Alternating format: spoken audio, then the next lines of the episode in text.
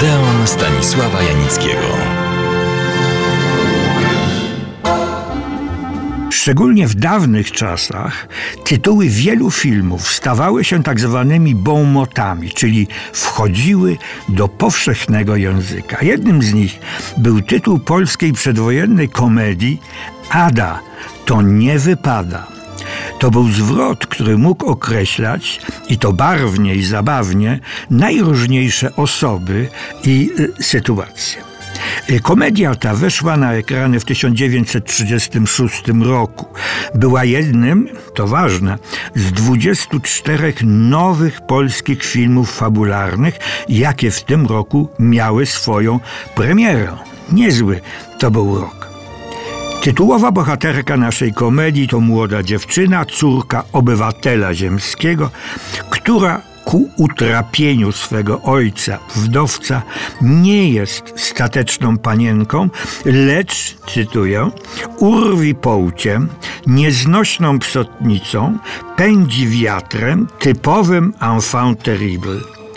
Żeby się ustatkowała, nabrała odpowiednich manier, oddana zostaje do, cytuję, prywatnego zakładu dokształcającego dla hrabianek. Pań Spitzenberg Futter w Krakowie. Jedna z tych pań nie najlepiej słyszy, co jednak zgodnie z zasadami ówczesnych komedii nikogo nie martwi, wręcz przeciwnie stwarza dodatkowe sytuacje komediowe. Intryga wyjściowa jest wielopiętrowa, ale ją uproszczam. Ada chce zniechęcić do siebie ojca przyszłego męża, którego nie zna, a którego jej dorośli rają. Była to pierwsza duża rola Lody Niemiżanki, młodej, utalentowanej aktorki i tancerki, która swoją karierę zaczynała w Łodzi, a następnie kontynuowała w Warszawie.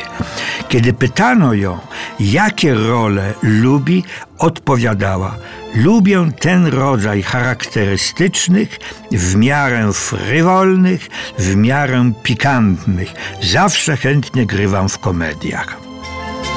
Prasa jeszcze w czasie trwania zdjęć do filmu zapowiadała ją nadzwyczajnie. Pisano, cytuję, że rewelacją będzie przedstawienie publiczności młodziutkiej artystki polskiej, panny Lody Niemiżanki, jako nowej gwiazdy filmu polskiego. Ujrzymy ją w roli lekkoducha, krnąbrnej pensjonarki, która zamienia się w pełną powabu i urody kobietkę. Dowiodła ona, że posiada poważne, pierwszorzędne walory sceniczne. Młodość, uroda, świetna gra aktorska, umiejętności śpiewu, talent i powab w dziedzinie tańca. Oto dary, które przy foto i fonogeniczności tej młodej artystki wysuwają ją na czoło artystów filmu polskiego. Tak pisano przed filmem, a po premierze jedynie Loda Niemiżanka, aktorka pełna wdzięku i wszechstronnie uzdolniona, wynosi ze sobą dużo świeżości i bezpośredniości, odtwarzając udatną sylwetkę enfant terrible z białego dworka. Ale może o wszystkich aktorach pisano z takim entuzjazmem. Posłuchajmy. Nie można komedii tej uważać za chybioną.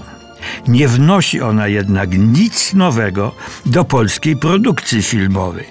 A co pisano o aktorach występujących w tym filmie?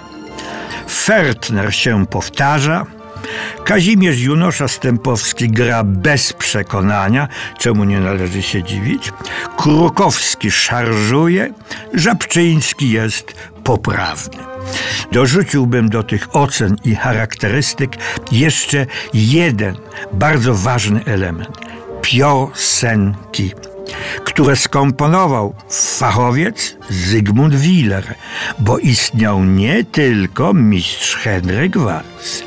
Tytuł filmu wszedł do potocznego języka i nie tylko on. Określenia cud miód ultramaryna jeszcze długo były w potocznym obiegu. Pada to nie wypada to klasyczna i idealna komedia przedwojenna, dobra na czas karnawału.